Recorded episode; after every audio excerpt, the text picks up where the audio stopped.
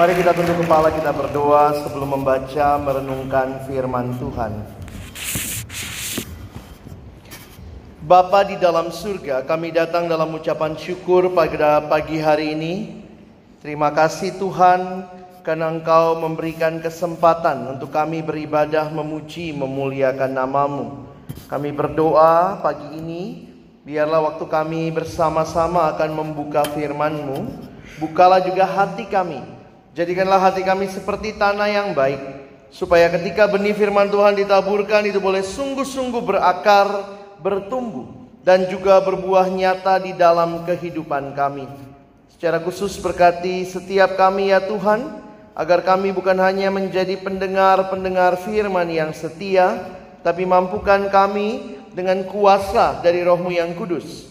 Kami dimampukan menjadi pelaku-pelaku firman-Mu di dalam hidup kami, di dalam masa muda kami.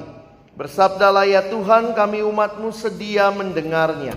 Di dalam satu nama yang kudus, nama yang berkuasa, nama Tuhan kami Yesus Kristus.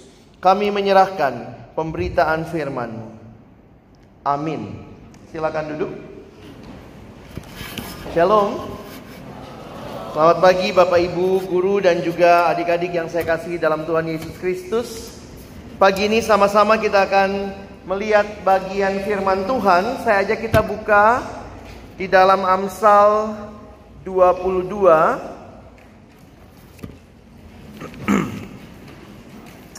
Amsal 22 saya akan bacakan di dalam ayatnya yang ke-6. Amsal 22 ayat yang ke-6 saya akan bacakan buat kita sekalian.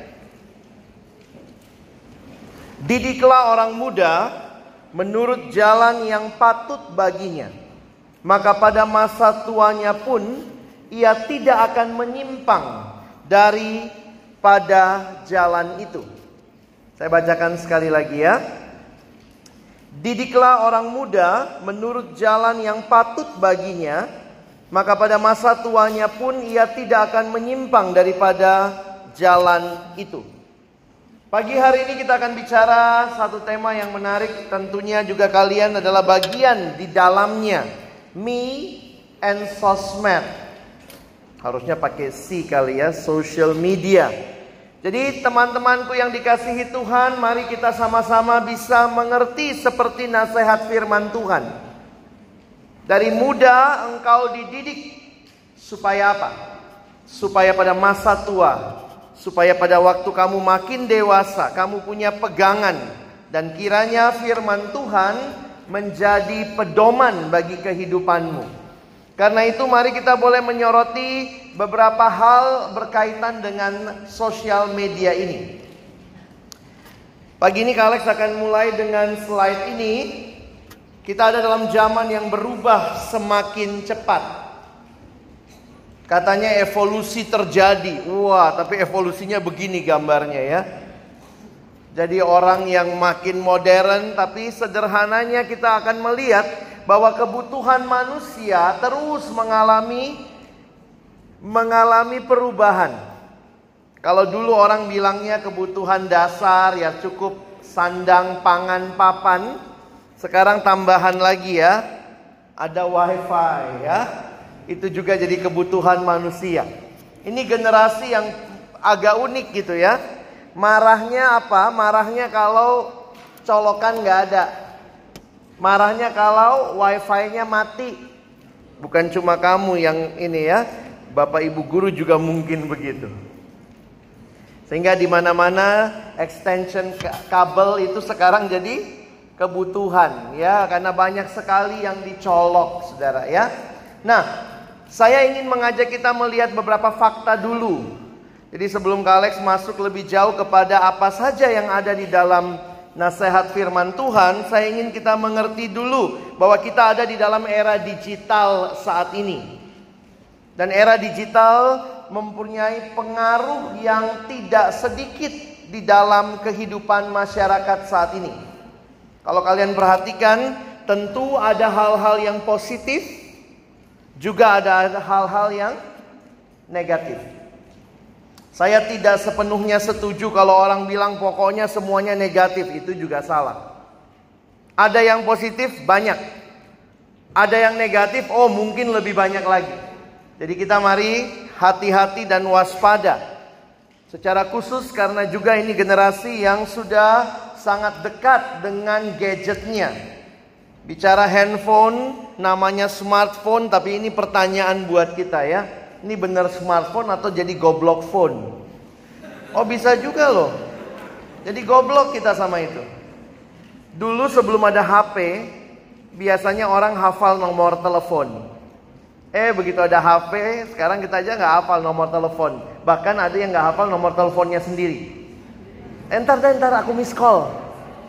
Berapa nomor HPmu nggak tahu. Jadi memang ya ini generasi yang memorinya makin singkat. Makanya satu waktu Kak Alex pergi ke satu gereja, saya dengar itu doa pengakuan dosa. Ini kebaktian remaja. Kebaktian remaja saya pergi ke satu gereja lalu saya dengar doa pengakuan dosa penginjilnya itu saya pikir itu doa pengakuan dosa yang paling kontekstual yang pernah saya dengar. Jadi dia ajak anak remaja, mari kita semua tunduk kepala mengaku dosa kita. Lalu dia bilang, Tuhan kau maha tahu. Itu berarti kau tahu segala sesuatu. Lalu dia mulai ngomong, Tuhan itu berarti kau tahu apa isi HP kami. Kau tahu apa isi flash disk kami. Kau tahu apa isi hard disk kami. Kalau itu hal-hal yang tidak memuliakan Tuhan, tolong kami buang itu. Karena itu saya mau menantang generasimu yang katanya punya smartphone. Jangan sampai dengan smartphone itu kamu jadi goblok. Banyak orang jatuh dalam dosa justru di HP-nya sendiri. Jadi ini yang saya pikir kita mesti pelajari. Di Indonesia ada satu lembaga atau asosiasi namanya APJII, ya. Ini Asosiasi Penyelenggara Jasa Internet Indonesia. Sebenarnya semua negara punya asosiasi semacam ini. Kak Alex ikuti perkembangan berita atau hasil riset mereka dan itu saya coba ikuti dari yang tahun 2014 lalu ada 2016 dan yang terakhir dia keluarkan, maaf tahun lalu kayaknya belum gitu ya. Yang terakhir dia keluarkan adalah 2017.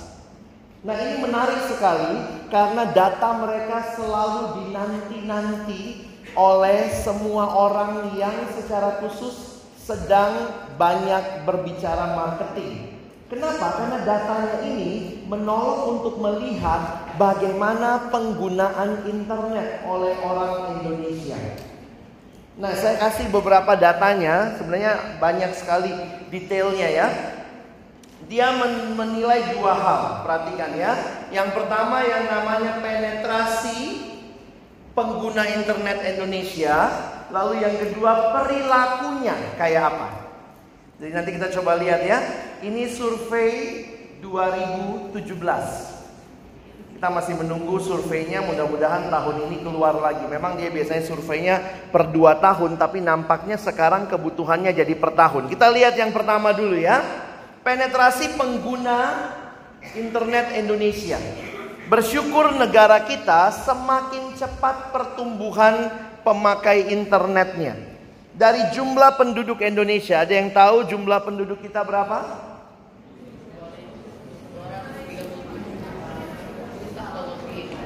Atau lebih ya, 230 juta atau lebih katanya ya. Menurut data Jumlah penduduk Indonesia kurang lebih sekarang 262 juta orang. 260 juta dua orang perhatikan yang sudah bisa menggunakan internet sudah terekspos internet 143 juta berarti secara jumlah sudah 54,68 persen orang Indonesia di berbagai tempat bisa akses internet teman-teman lihat 2014 pengguna internet di Indonesia baru sekitar 30% dari total jumlah penduduk. Sekarang sudah 54%. Ini bukan quick count ya. Ini bukan 0102 ya. Jadi dulu tuh yang bisa akses internet masih dikit. Memang masalah utama di Indonesia adalah kualitas jaringan internetnya. Makanya beberapa provider ada yang sudah bagus, ada yang masih buffering kalau kita nonton YouTube. Lamaan nunggunya daripada yang ditunggu. Nah, sekarang lihat berdasarkan wilayah. Saya perlu tunjukkan ini karena kalian kan masih di daerah Jawa gitu ya. Ternyata masih paling tinggi di Indonesia pengguna internet ada di Jawa. 58 persen. Daerah lain juga ada tapi sedikit-sedikit gitu ya.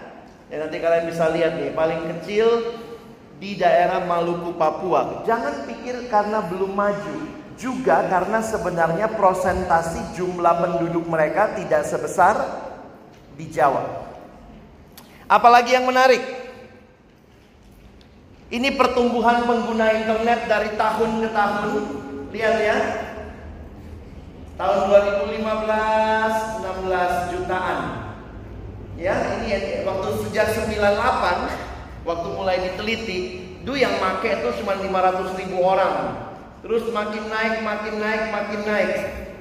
Tiba-tiba 2017 sudah 143 juta.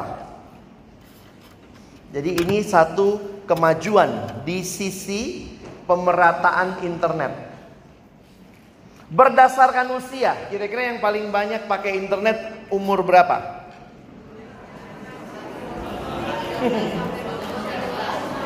Betul, kamu Nih, 13 sampai 18 tahun itu pengguna internet terbanyak di Indonesia. Sekitar 75 persen. Ya, di sini dikit lah ya Bapak Ibu guru nih. Ini apa engkong di rumah? Oh, ada juga engkong emak sekarang kan gaya ini ya, engkong emak HP gitu kan? Banyakan mana? Pria atau wanita yang gunakan internet?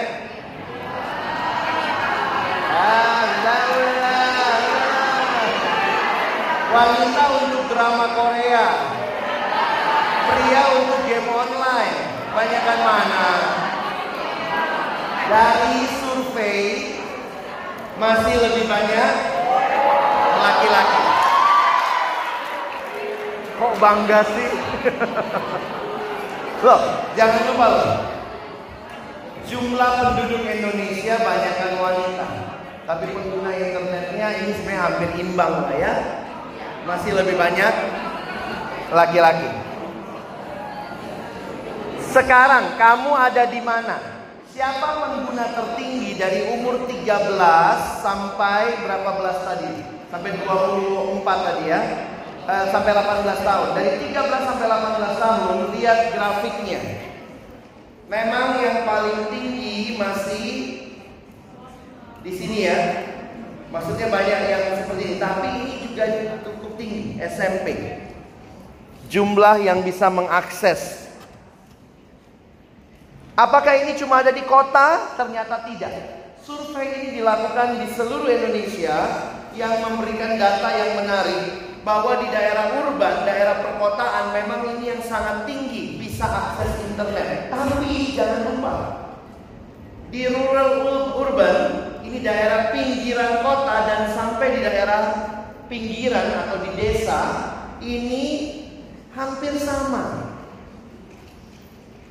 Kalian pergi ke seluruh Indonesia, Telkomsel bisa dipakai di mana-mana. Sorry saya sebut merek ya itu menunjukkan bahwa jangan berpikir anak kota bisa nonton, anak desa nggak bisa. Mereka juga bisa. Jadi ini satu hal yang menarik.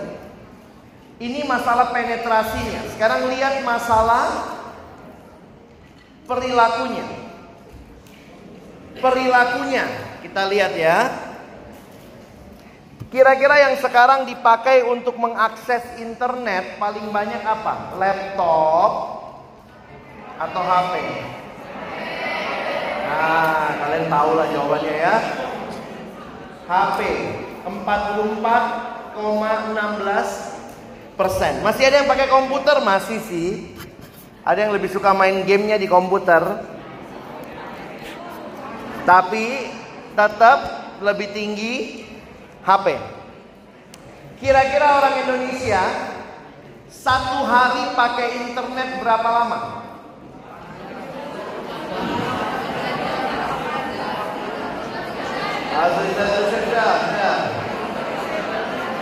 Kalau kamu di rumah wifi-nya kencang, wifi-nya online terus 24 jam, tidurnya pun pakai Spotify.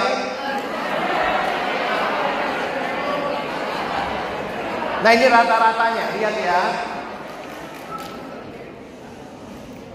Durasi penggunaan internet per hari, ini per minggunya ya.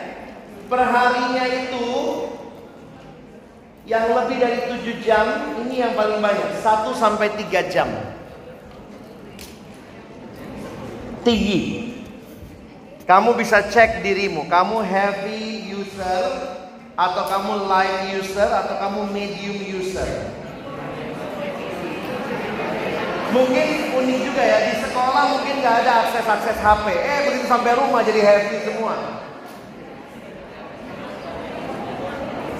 Sekarang saya tanya, apa yang paling banyak digunakan orang Indonesia dengan internet yang dimiliki?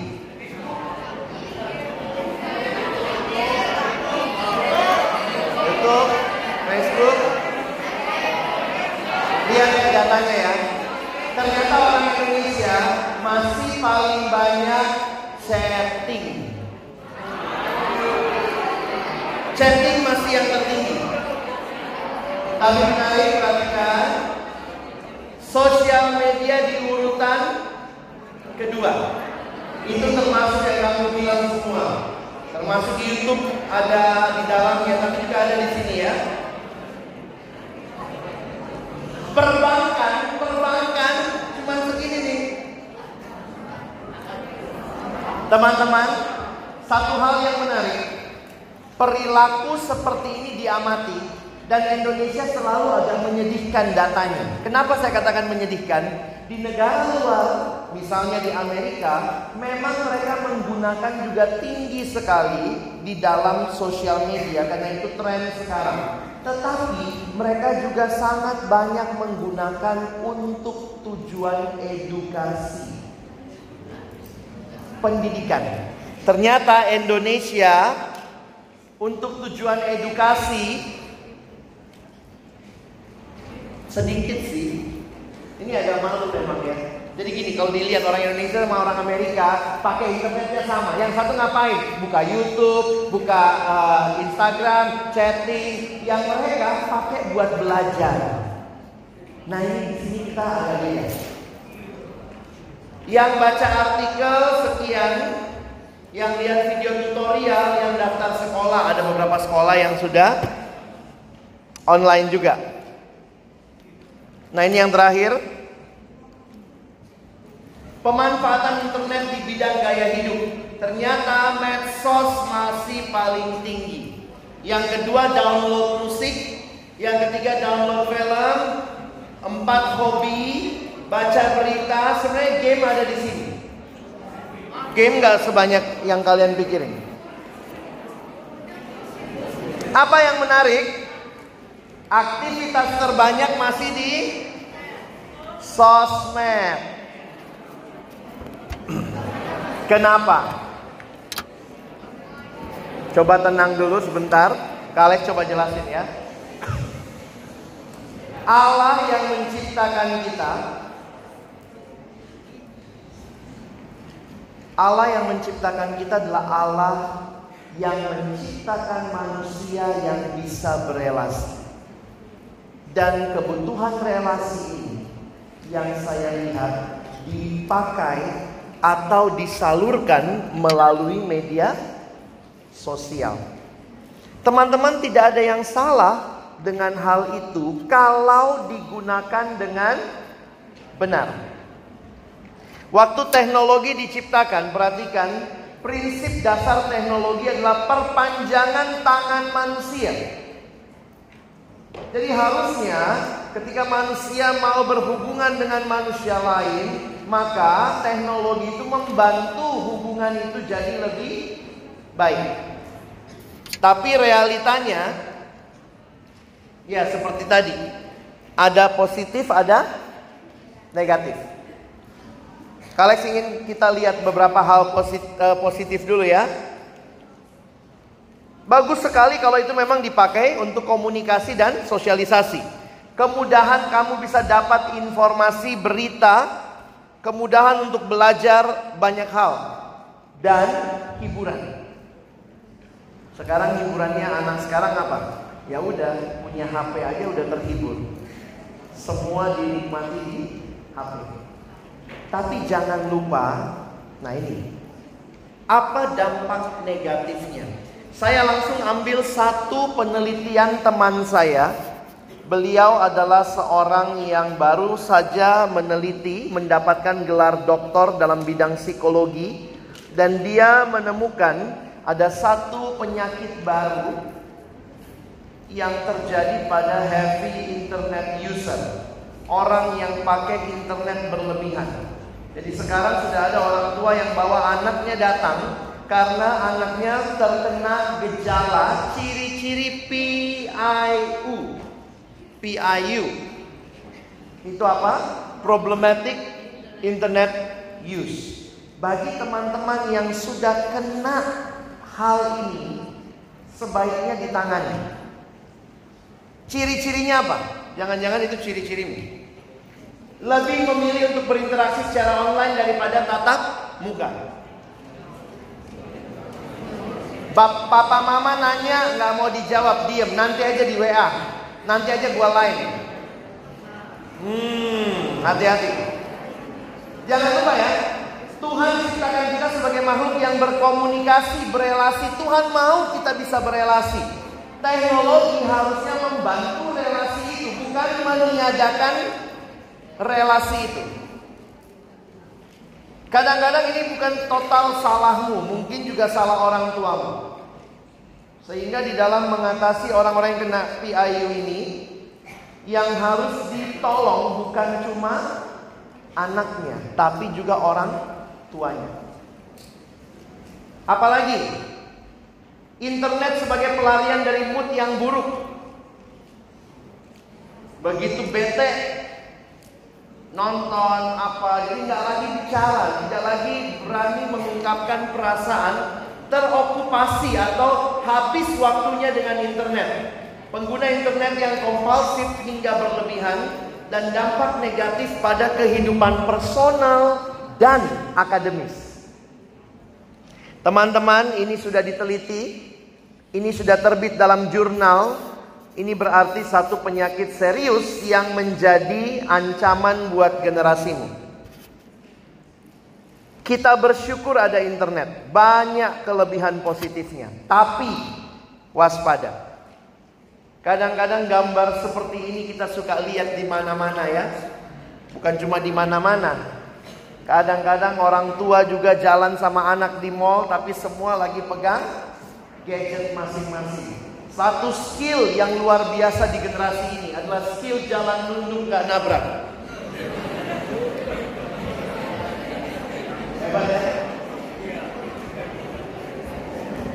Tapi sekali lagi ada yang mengatakan sering kali sosial media itu mendekatkan yang jauh tapi menjauhkan yang dekat. Saya berharap kalian tetap mau komunikasi dengan orang lain, komunikasi dengan orang tua. Perhatikan, ini beberapa penelitian yang dilakukan teman saya. Dia bukan cuma belajar, tapi dia meneliti. Dan ini beberapa penelitian karena dia memang fokusnya ke internet. Kapan-kapan kalau sekolah mau undang, saya pikir boleh juga ya. Beliau adalah seorang yang saat ini jadi dosen di kampus Binus untuk psikologi. Penelitian ada korelasi dengan agresivitas, khususnya pengguna game online yang berlebihan. Tidak ada yang salah main game. Tapi kalau berlebihan itu bukan cuma salah, itu merusak luar biasa. Orang-orang yang mudah mengalami kesepian ini jadi ancaman mental ke depan. Ada juga prokrastinasi akademik gangguan belajar. Jadi sudah mulai diteliti ada hubungan yang dekat antara penggunaan internet yang berlebihan dengan gangguan belajar. Pola relasi dengan orang lain yang lebih menjadi negatif terhadap orang lain atau terhadap diri sendiri. Juga orang mulai konsumtif, apa-apa beli online gampang. Dia hanya sejauh klik. Duit semua sudah ada di HP. Di sisi yang lain mengenai cyber sex ini juga makin menggila, hati-hati. Kadang-kadang kamu tidak klik pun muncul. Ada anak siswa datang sama saya, iya kak, saya jadi pornografi. Kenapa? Habis lagi buka yang lain nih kak, tiba-tiba muncul gambar porno di sampingnya. Terus gimana? Ya saya klik, ya kenapa diklik gitu?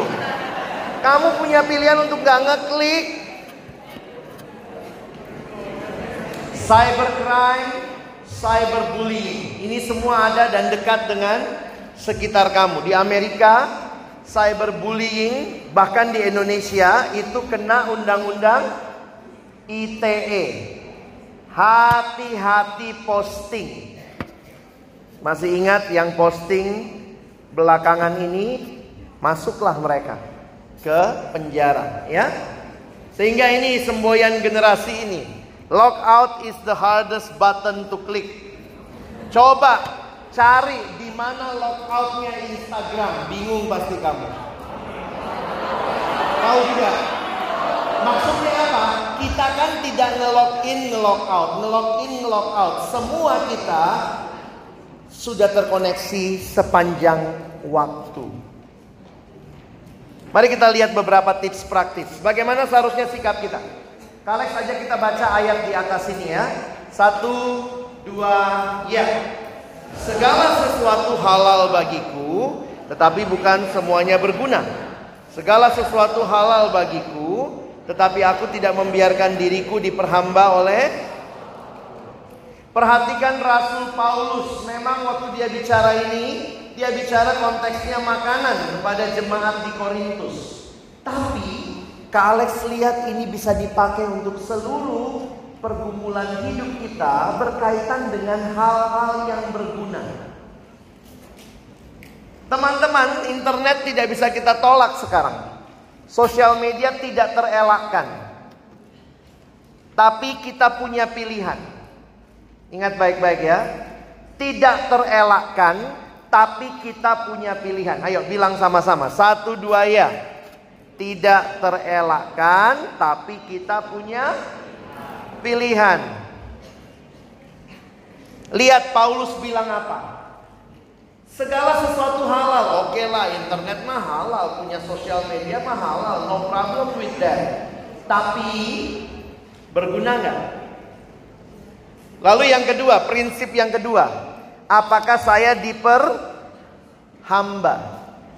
Dua hal ini yang saya ingin kalian ingat.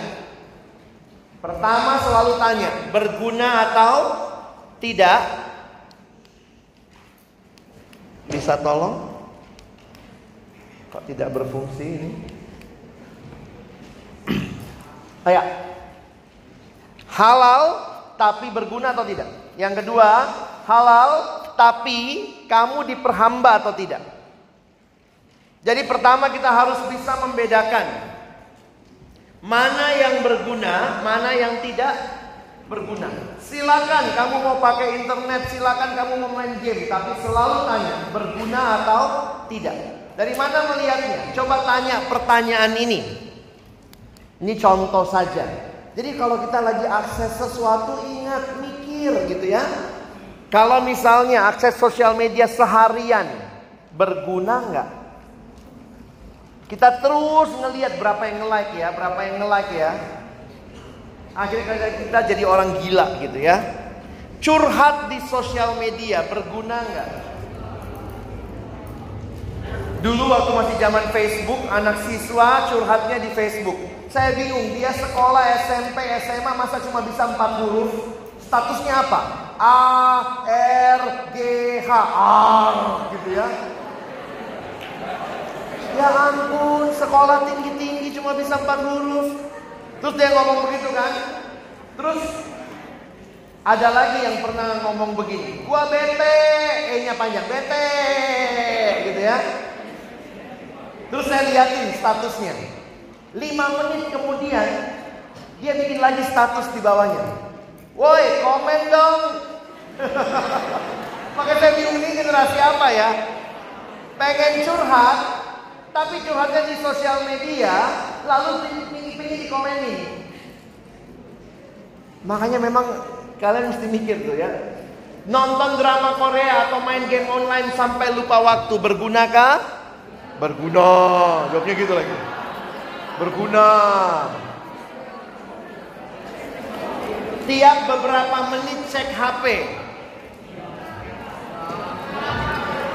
Satu jam, ini penelitian ya. Ada penelitian yang coba melihat kebiasaan orang Indonesia. Satu jam kurang lebih 38 kali cek HP. Itu kebiasaan kita sekarang. Jadi teman-teman, ini nasihatnya ya, bijak dalam penggunaan waktu. Tuhan kasih sama kita waktu yang sama. Semua dapat 24 jam? Kalex dengar ini mau ujian nih. Hari Jumat mau ujian, siap tempur. Tapi jangan-jangan kamu kalah duluan karena kamu tidak siap menggunakan waktumu dengan bijak. Pakai waktu dengan bijaksana. Hal-hal apa yang berguna? Ya, ini sih kayaknya rohani banget gitu ya. Download Alkitab, bahan renungan, tapi kamu butuh itu. Saya rekomendasi kalau kalian ada HP, ada aplikasi Kristen yang baik di download aplikasi Alkitab. Warung sate kamu, cari ya. Nanti Google, cari di Google uh, Apps, itu ada warung sate kamu, ada materi renungan yang bisa dikasih. Cari materi pelajaran sekolah yang tolong kamu belajar, diskusikan materi pelajaran. Di grup itu jangan cuma isinya saling mencela. Download stiker untuk ngebully teman.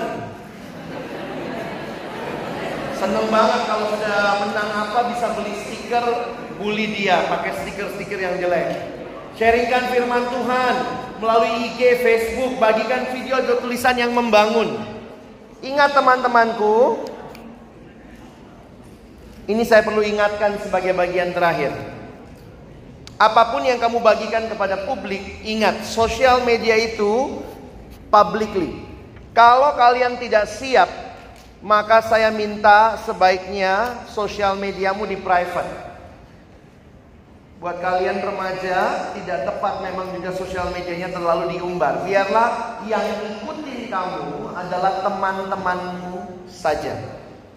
Apalagi kalau kamu tidak bijaksana memposting itu bisa kamu bully orang sekarang bisa dilaporkan, bisa ditangkap polisi. Hati-hati dengan menulis sesuatu di sosial media itu tidak bisa ditarik lagi, terekam. Yang kedua, hati-hati Data itu sifatnya confidential. Jangan ke mana-mana, saya suka lihat ya orang-orang sekarang agak aneh gitu. Dapat surat pemilu di foto, dapat KTP baru di foto. Kau nggak tutup nomor KTPmu, kau biarkan ada tanggal lahirmu. Ingat loh, tidak semua orang melihat data punya maksud yang baik.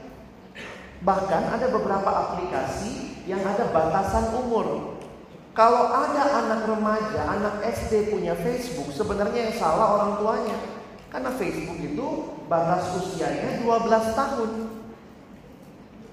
Loh ada batas usianya ada, tapi kan dia nggak bisa ngecek beneran 12 tahun nggak. Jadi begitu dia klik, apa are you over 12? Yes.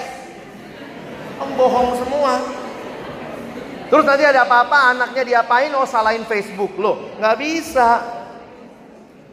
Karena itu sebagai penutup kalian ingatkan, ini semua hal-hal yang Tuhan mau kalian pelajari dari masih remaja. Kita baca ayat tadi ya, yang saya ajak kita baca di awal. Ayo, semua ada di atas, kita baca sama-sama. Satu dua ya. Didiklah orang muda menurut jalan yang patut baginya, maka pada masa tuanya pun ia tidak akan menyimpang.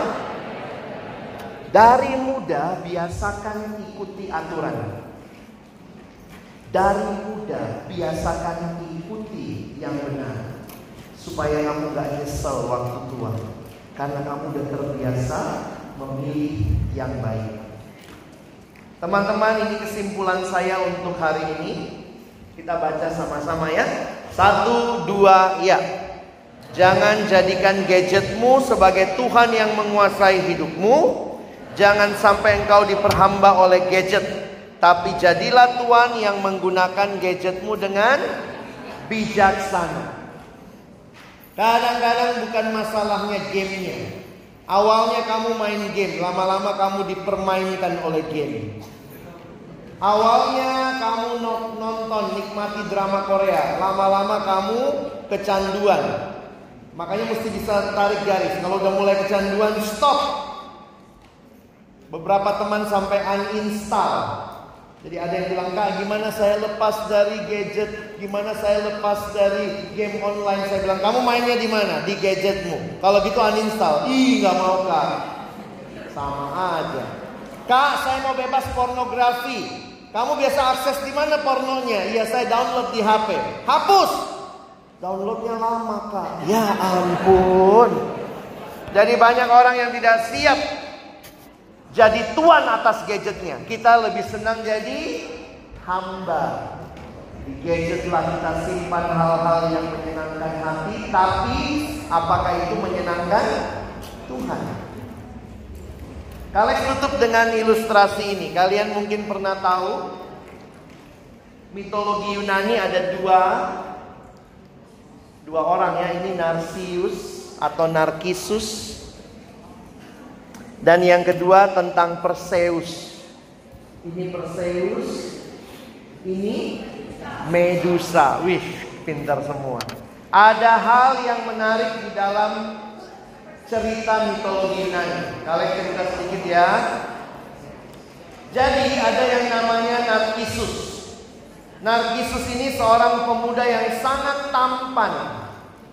Tapi saking tampannya dia, dia juga banyak cewek yang suka, tapi dia nggak pernah perhatiin orang lain. Dia satu waktu minum di sebuah danau, airnya tenang. Waktu dia mau minum, dia kaget lihat bayangannya sendiri. Dan sejak hari itu, Narkisus jatuh cinta sama bayangannya sendiri. Bukannya homo, bukan. Tapi dia jadi jatuh cinta sama bayangannya sendiri. Karena itu orang yang jatuh cinta sama bayangannya sendiri dibilang narsis. Dari sini. Ini dari ceritanya narkisus. Kamu bilang ini gila banget narkisus. Kamu gak jauh beda. Coba kalau selfie.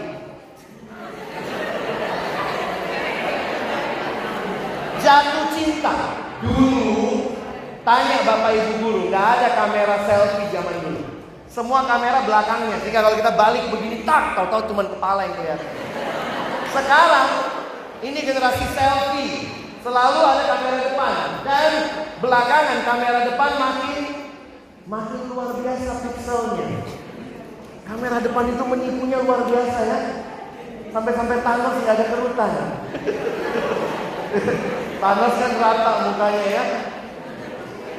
Nah, ini kalau dalam mitologi Yunani teman-teman kalau tahu ceritanya ada satu orang yang sayang banget cinta sama Narkisus.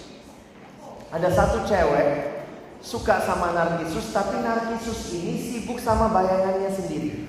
Ada yang ingat nama cewek itu siapa? Eko, bukan Eko ya, Eko. Itu namanya bahasa Indonesia-nya Gema. Ya, kamu berarti senang ya. Kalian baca mitologi Yunani dari SMP. Saya senang, saya koleksi buku-bukunya ya. Jadi Eko ini, Eko ini ternyata dikutuk oleh para dewa cantik-cantik karena dewa dewi takut dia nanti jadian sama suami orang. Jadi dikutuk katanya sama satu dewi sama istrinya Zeus ya. istrinya Zeus kutuk dia sehingga Gema ini, Eko ini hanya bisa mengucapkan suku kata terakhir. Jadi misalnya begini ya, karena dia, dia ngikutin ke mana Narkisus pergi dia suka ikut. Terus Narkisus suka marah dia. Apa kamu ikut-ikut? Kut, kut, kut. Apaan sih? Si, si. Kenapa? Pa, pa, pa. Nah si Gema, makanya kan Gema begitu ya. Gema itu cuma bisa sebutin kata terakhir, dia tidak bisa ngomong. Jadi dimarahin apaan?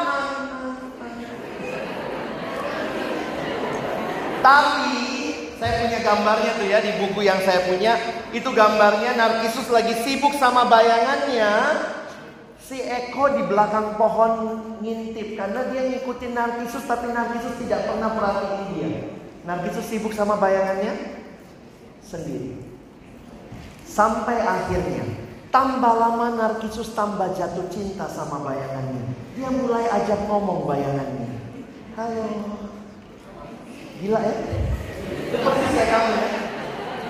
Jadi memang mirror-mirror on the wall who's the prettiest most of all dari dulu itu. Eh dia ngajak ngomong bayangannya, dia sentuh hilang. Ih, hilang. Dia tunggu tenang, eh ada lagi. Dia ngajak ngomong terus lama-lama dia udah mulai gak mau makan. Dia cuma lihat bayangannya, dia ngajak ngobrol makin lama dia makin dekat, makin dekat dia jatuh ke dalam air dan mati. Jadi orang Yunani, orang Yunani dari dulu ajarin anaknya, kalau kamu cinta diri berlebihan, kamu bakal mati. Orang Yunani itu ngajarin anak pakai cerita. You love yourself, you will die. Narsis bikin mati. Bilang temenmu, eh narsis bawa bikin mati. Ya. Oke, okay, siapa yang paling sedih waktu narkisis mati? Siapa yang paling sedih? Eko. Eko akhirnya dikatakan sangat sedih. Eko pergi ke pegunungan dan dia menghilang di sana sampai sekarang mayatnya tidak diketemukan. Tapi kalau kamu ke gunung dia masih ada di sana. Halo. Apa? Itu Eko. Itu caranya orang Yunani menjelaskan fenomena alam kepada anaknya pakai cerita. Yang kedua, Perseus. Perseus ini harus melawan Medusa. Masih ingat ya? Semua yang lihat Medusa jadi batu. Medusa cewek yang banyak ular di kepalanya. Apa yang Perseus pakai?